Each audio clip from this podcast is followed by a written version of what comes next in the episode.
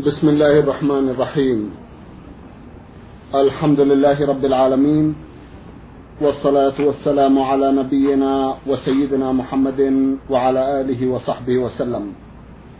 مستمعي الكرام السلام عليكم ورحمة الله وبركاته وأسعد الله أوقاتكم بكل خير. هذه حلقة جديدة مع رسائلكم في برنامج نور على الدرب. رسائلكم في هذه الحلقة نعرضها على سماحة الشيخ عبد العزيز ابن عبد الله بن باز الرئيس العام لإدارات البحوث العلمية والإفتاء والدعوة والإرشاد. مع مطلع هذه الحلقة نرحب بسماحة الشيخ ونشكر له تفضله بإجابة السادة المستمعين فأهلا وسهلا بالشيخ عبد العزيز. حياكم الله. حياكم الله. أولى رسائل هذه الحلقة رسالة وصلت إلى البرنامج من أحد الإخوة المستمعين يقول مصري مقيم في المملكة ببريدة. أخونا له مجموعة من الأسئلة يسأل مثلا ويقول والدتي امرأة كبيرة في السن وهي تريد مني أن أحججها. وأيضا لي أخ شقيق بلغ من العمر خمسا وعشرين سنة وهو يريد الزواج. ووالدنا لم يترك شيئا من المال. وسؤالي هل أقوم بإرضاء والدتي أولا أو بتزويج أخي؟ وما الحكم في كلا الحالين؟ هل هو واجب علي أو لا؟ يقول والدتي امرأة كبيرة في السن وهي تريد مني أن أحججها وأيضا لي أخ شقيق يبلغ من العمر خمسة وعشرين سنة. وهو يريد الزواج. هل أقوم بإرضاء والدتي أولا أو بتزويج أخي؟ وما الحكم في كلا الحالين؟ هل هو واجب علي أو لا؟ بسم الله الرحمن الرحيم. الحمد لله وصلى الله وسلم على رسول الله وعلى آله وأصحابه ومن اهتدى بهداه. أما بعد فلا ريب أن الحج إنما يجب مع الاستطاعة كما قال الله عز وجل ولله على الناس حج البيت. من استطاع إليه سبيلا. وثبت عن رسول الله عليه الصلاة والسلام أنه قال لما ذكر أركان الإسلام قال حج وحج البيت إن استطعت إليه سبيلا. وما دامت الوالدة لا تستطيع الحج لا يلزمها الحج ولا يلزمك تحجيجها. لكن إذا فعلت ذلك فهو من باب القربات من باب البر والصلة من باب الإحسان فيها تحقيقا لرغبتها وإعانة لها على الخير والفضل. أما التزويج فهو واجب عند القدرة. وهو واجب على أخيك أن يتزوج إذا كان يستطيع وإذا كان لا يستطيع وأنت تستطيع فالصحيح أنه يجب عليك أن تزوجه لأنه من صلة الرحم الواجبة. كما يجب على الوالد أن يزوج أولاده إذا احتاجوا للزواج وهم عاجزون لأنه من باب الصلة وصلة الرحم من أهم الفرائض. وخطر عدم الزواج معروف. فإن بقاء الشباب أعزب غير متزوج فيه خطر عظيم. وبر الوالدة معروف حاله ولكن إنما يجب برها بشرطين أحدهما أن يكون ذلك من باب المعروف لا من المعصية. وأن يكون ذلك لا يضرك أيضا. فيكون فيه محو لها من دون ضرر عليك. ومعلوم أن الحج ينفعها ولا يضرك إذا كنت تستطيع ذلك. فإذا حجيتها فهو من باب البر والصلة لا من باب أنه واجب عليها لعدم استطاعتها لكن من باب البر. وصلة الوالد الأخ من تزويجه لا شك أنه صلة الرحم. لكن جنس البر مقدم على جنس الصحيح جنس الصلة لبقية الأرحام. فإن استطعت أن تجمع بين الخيرين فتحججها وتزوج أخاك هذا خير عظيم وفضل كبير. فاجمع بين الأمرين والحمد لله. حجج الوالدة واجبر خاطرها وأنت شريكها في الأجر.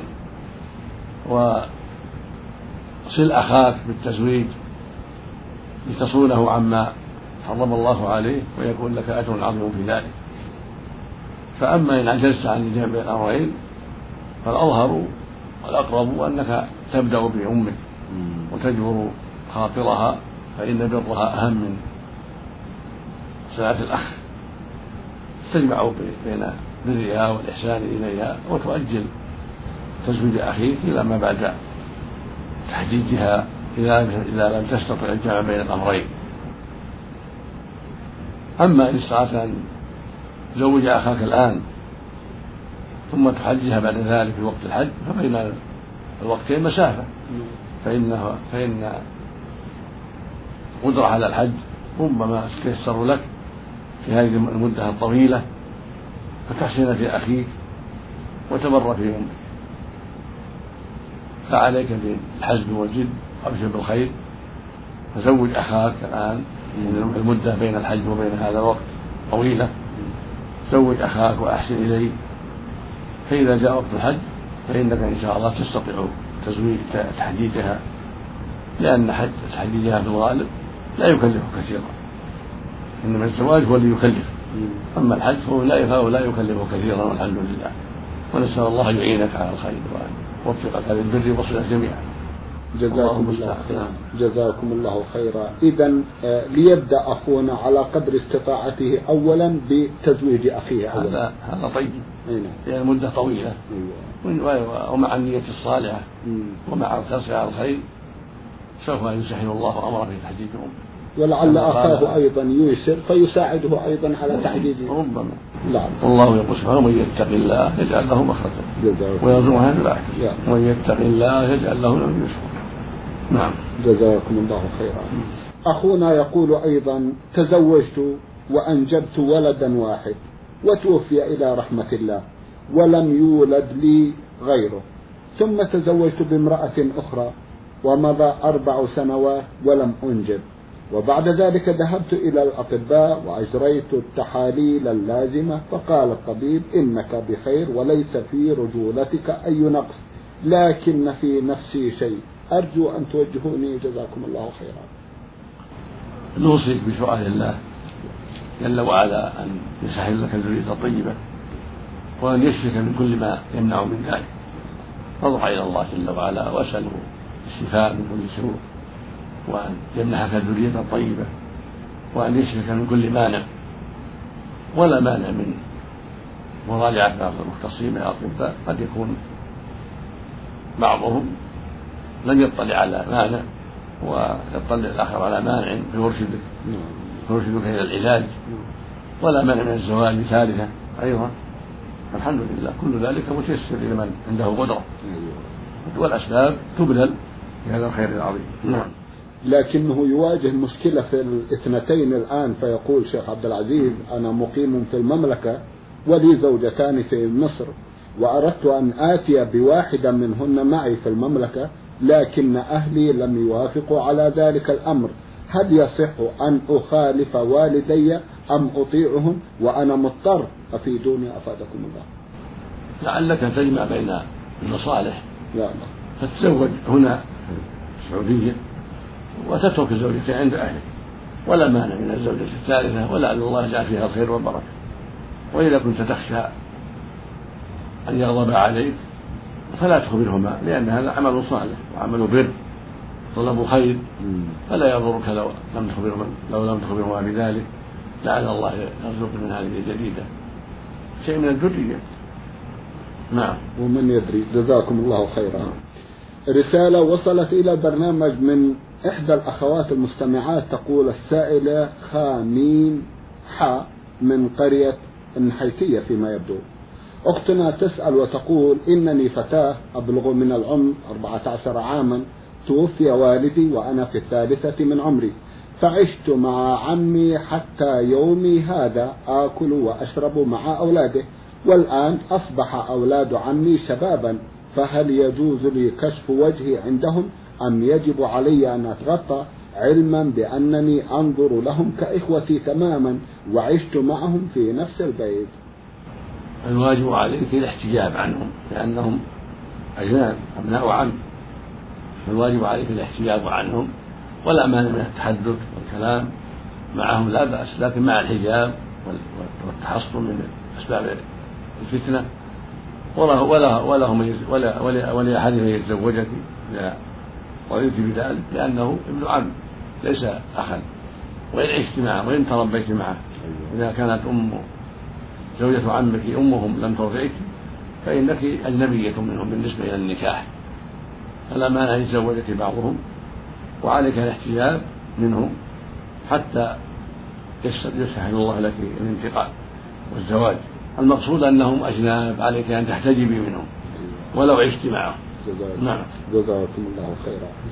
أختنا تسأل وتقول ما حكم مشاهدة المسلسلات في الفيديو وكذلك المباريات الرياضية ونرجو أن توضحوا في هذا الأمر. جزاكم الله خيرا.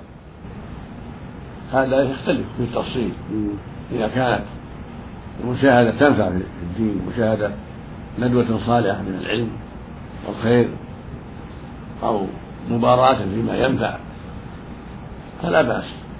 أما إذا كانت المباراة يظهر فيها بعض العورات أو يوجد فيها شيء من الملاهي أو تخشين الفتنة من النظر إليهم فاتركي ذلك. فقد ثبت عن عائشة رضي الله عنها أنها نظرت إلى الحبش يلعبون في المسجد بإذن النبي عليه الصلاة والسلام. فإذا كان النظر لا يفضي إلى فتنة ولا يفضي إلى النظر إلى عورات الرجال كالفخذ فلا بأس بذلك وأنت متحجبة وبعيدة عن الفتنة. والمسلسلات كذلك إذا كان فيها شر فلا تنظر إليها. أما إذا كان مسلسل فيما ينفع الناظر من الندوات الدينية والتوجيه إلى الخير والتعليم الذي ينفع المشاهد هذا لا بأس به. فالحكم يدور مع العلة. فإن كانت المشاهدة تنفعك في دينك ولا تضرك وليس فيها ما حرم الله فلا بأس.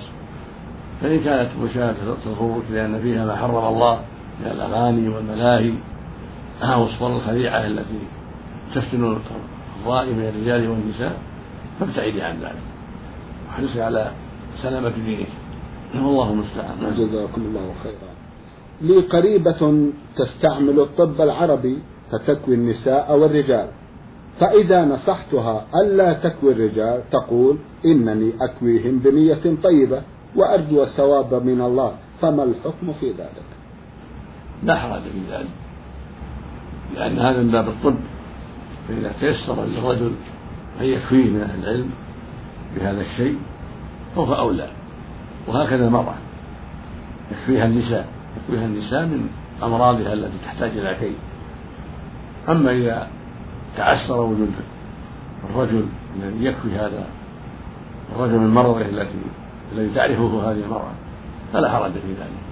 لقول النبي صلى الله عليه وسلم الشفاء في ثلاث كية نار أو شرطة محجم أو شربة عسل.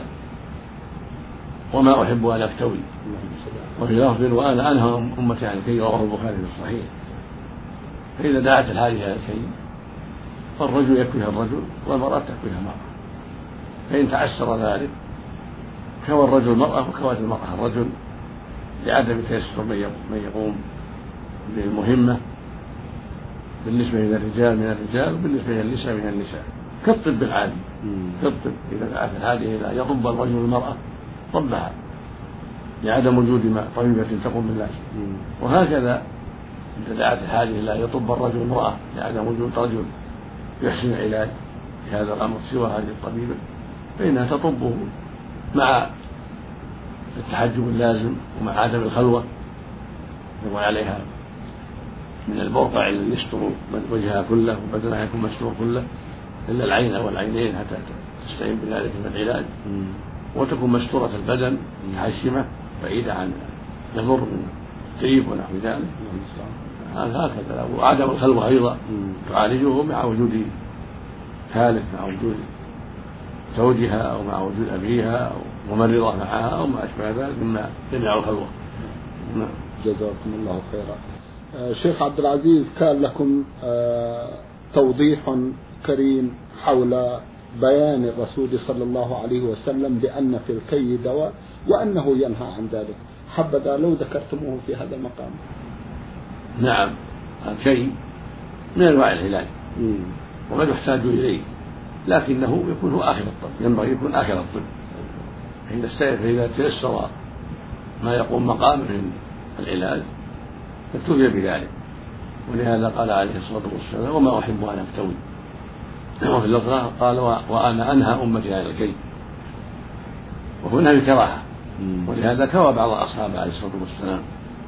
ولم يزل المسلمون يستعملون الكي من عهد النبي صلى الله عليه وسلم إلى يومنا هذا عند الحاجة إليه.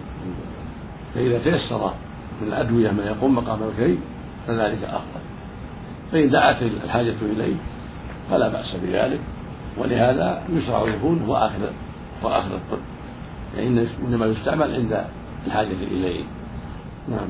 إذا يحمل ذلكم النهي الذي نهاه الرسول صلى الله عليه وسلم نهى الأمة عن الكي يحمل على ماذا شيخ؟ على كراهة على الكراهة. يعني عند عدم الحاجة. جزاكم الله. فإذا جاءت الحاجة جاءت الكراهة. بارك الله فيكم. سؤالها الأخير تسأل أختنا وتقول هل يجوز للمرأة أن تلبس ثوبا ضيقا من عند الخصر وكم قصير أم لا؟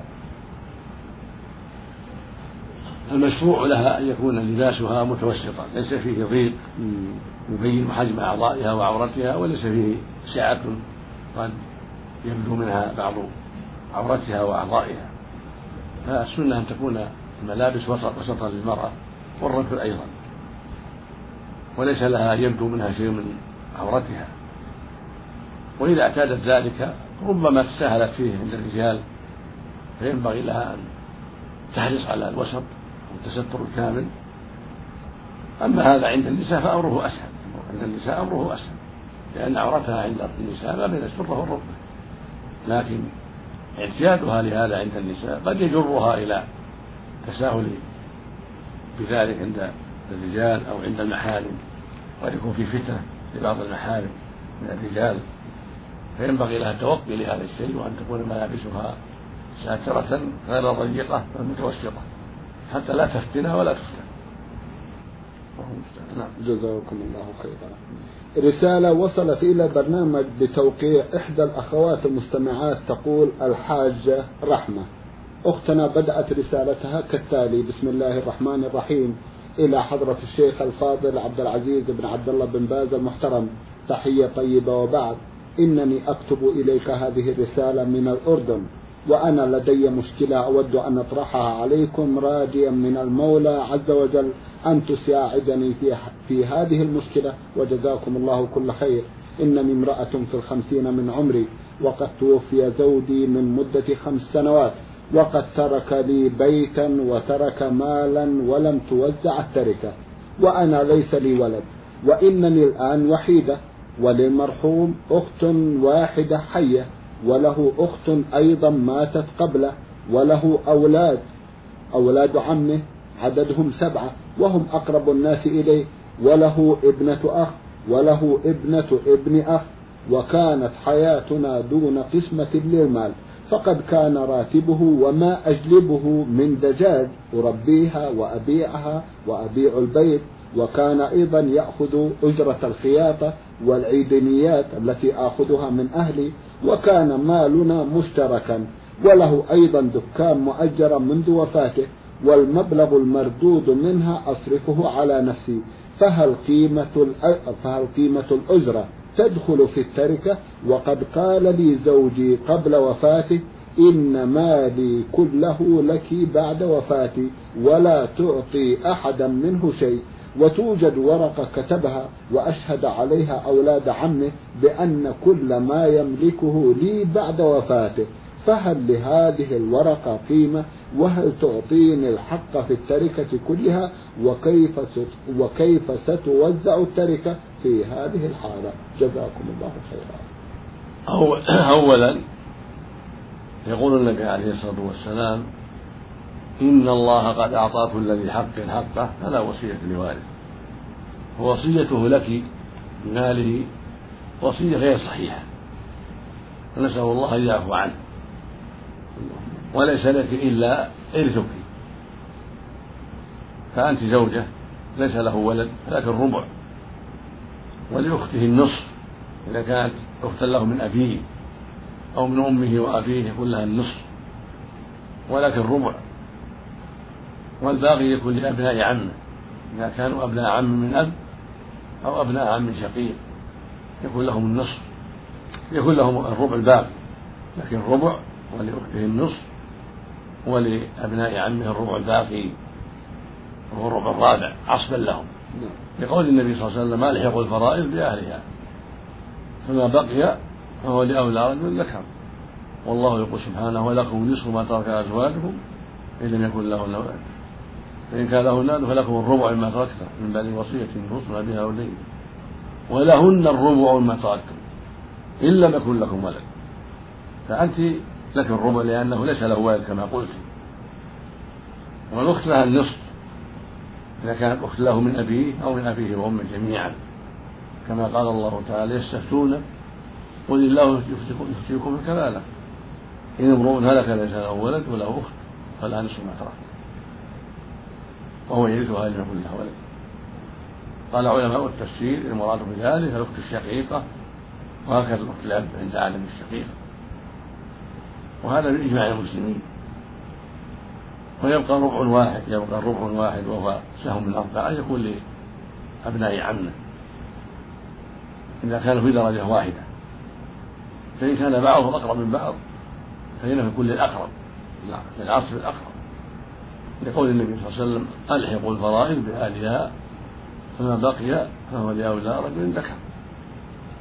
هذا هو هذه هي قسمة مسألة نعم. في جميع ما وراء من من التركة. وما أشكل عليك وعلى أخته فراجعي المحكمة. والمحكمة تنظر في هذا على الوجه الشرعي لأن هذه من مسائل أحوال الصخر من مسائل الأحوال الشخصية. والمحكمة تنظر فيها بأمر الشرع في الأردن. فعليك أن تراجعي المحكمة في ما أشكل عليك والحمد لله. جزاكم نعم. الله خيرا أختنا سماحة الشيخ تشير إلى أن لها أيضا بعض المال في تركة المتوفى. هذه مسألة تحتاج إلى نظر من جهة المحكمة. لأن الأخت قد يكون لها دعوة قد يكون لأولاد العم دعوة. أيوة. هذه مسألة لا بد من نظر القاضي فيها إلا إذا تسامحوا. طيب. إذا حصل بينك وبين الأخت وأولاد العم تسامح فيما تدعين وسمحوا لك بذلك وكانوا مرشدين مرشدة وأولاد العم مرشدين. إذا تصالحتم فلا حرج في ذلك. أما عند النزاع وعدم الصلح فلا بد من المحكمة. جزاكم الله خيرا. رسالة أخرى بعثت بها إحدى الأخوات المستمعات وصفت نفسها بالحائرة فمين؟ أختنا تقول سماحة الشيخ عبد العزيز بن عبد الله بن باز حفظه الله. السلام عليكم ورحمة الله وبركاته. أرجو من سماحتكم التكرم بالإجابة على هذه المسألة المحيرة لنا. لقد سمعت امرأة من إحدى الدول العربية تقول بأنها تزور قبر أبيها وذلك في المقبرة الموجودة ببلدها. وإنني قلت لها إن هذا لا يجوز وإن الله سبحانه وتعالى لعن زائرات القبور. واستدليت لها ببعض الآيات القرآنية وقالت إنها لا تفعل شيئا محرما سوى أنها تقرأ القرآن وإنها قالت أيضا إنني أحس وأن وأنا في المقبرة بالإيمان أكثر وأن كل إنسان مصيره إلى هذه الحال. فهل يجوز لتلك المرأة الاستمرار بزيارة قبر أبيها أو غيره من أهلها؟ أم أن هذا حرام مع أنها كما تقول لا تفعل شيئا محرما من نياح وتقديم الفاكهة والورود مثل بعض الناس الجهال سوى قراءة القرآن والاتعاظ. أفيدونا أفادكم الله وجزاكم عنا وعن المسلمين كل خير. وبماذا ننصح هذه السيدة ومن مات لها؟ الصواب الذي عليه المحققون من أهل العلم أن الزيارة مختصة بالرجال وأن النساء ليس لهن زيارة القبور لما ثبت عنه عليه الصلاة والسلام أنه لعن زائرات القبور. جاء هذا من حديث أبي هريرة ومن حديث حسان بن ثابت ومن حديث ابن عباس رضي الله عنهم. فالواجب على المرأة التي ذكرت أن تدع هذه الزيارة وأن تدعو لأبيها في بيتها وفي كل مكان بالمغفرة والرحمة إذا كان مات على الإسلام والحمد لله. ولا حاجة إلى الزيارة. الدعاء بحمد الله متيسر في كل مكان. تدعو له تستغفر له تصدق عنه بما يسر الله من المال للفقراء والمحاويج تحج عنه تعتمر عنه كل هذا طيب. أما الزيارة لقبره فلا ينبغي لها بل لا يجوز لها ذلك لأن الحديث الصحيح دل على منعه بحق منعها في حق النساء بل اللعن في ذلك وهذا يدل على أن هذا من الكبائر. نعم ذهب بعض العلماء إلى الترخيص في الزيارة لكنه قول مرجوح. كانت الزيارة ممنوعة للجميع الرجال والنساء أول ما هاجر النبي صلى الله عليه وسلم إلى المدينة. ثم جاءت الرخصة العامة. ثم خص النبي صلى الله عليه وسلم النساء بالمنع لحكمة بالغة. وبقي الرجال على الرخصة. أما النساء فجاء المنع في حقهن والحكمة بذلك والله أعلم أنهن قليلات الصبر قد لا يصبرن عند رؤية القبور ورؤية الآباء والأمهات قد يجعن وينحن. والأمر الثاني من الحكمة أنها المرأة فتنة فقد يكون ذهابها إلى المقبرة من أسباب الفتنة للرجال فينبغي لها أن تبتعد عن أسباب الفتنة.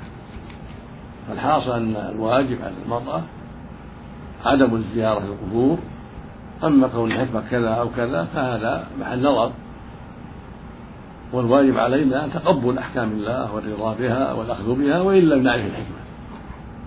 المهم أن نأخذ بأمر الله وأن ننتهي عن نهي الله. فإذا ثبت لنا أن الرسول صلى الله عليه وسلم لعن زائرة القبور وجب على النساء ترك ذلك.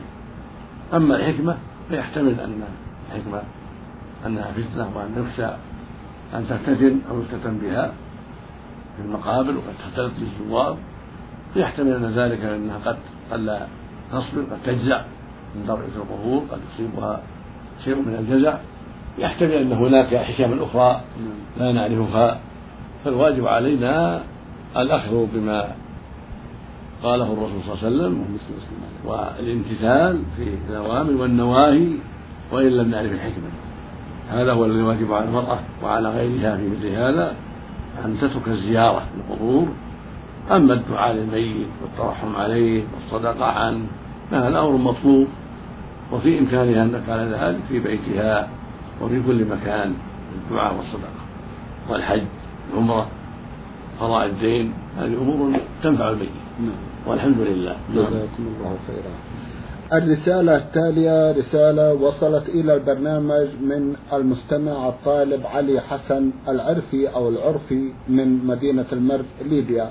أخونا بدأ رسالته بقوله إلى الآباء الأفاضل والعلماء الأجلاء جزاهم الله عنا وعن المسلمين خير الجزاء. إلى أصحاب الفضيلة العلماء أشكر لكم جهدكم الذي تبذلونه للإجابة على مسائل المسلمين وأتمنى لكم التوفيق والصواب.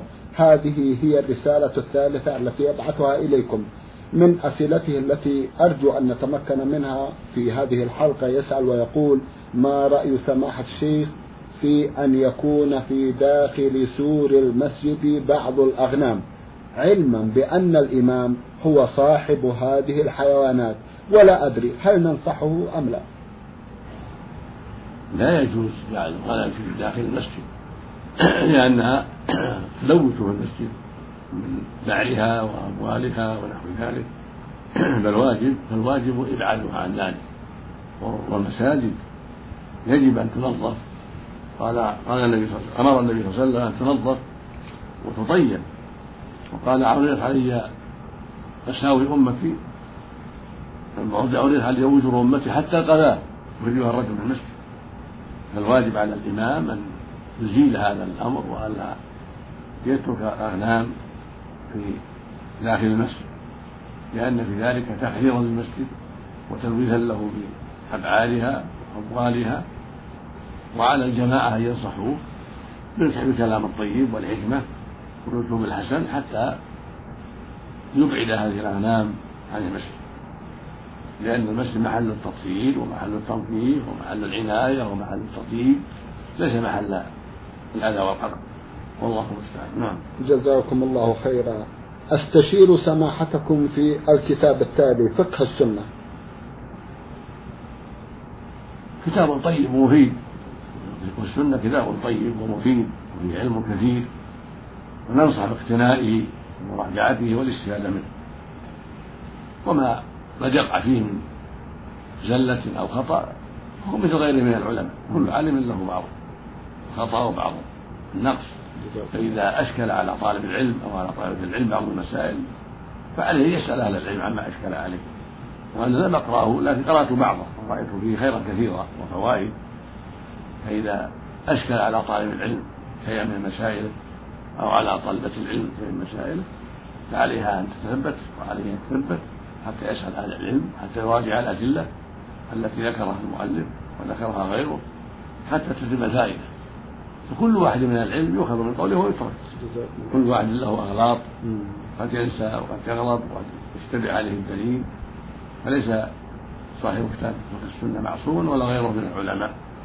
ولكن الواجب على طلبة العلم وطالبات العلم يكون يكون عند الجميع من اليقظة والانتباه وتحري الحق ما يمنع الوقوع في الخطأ.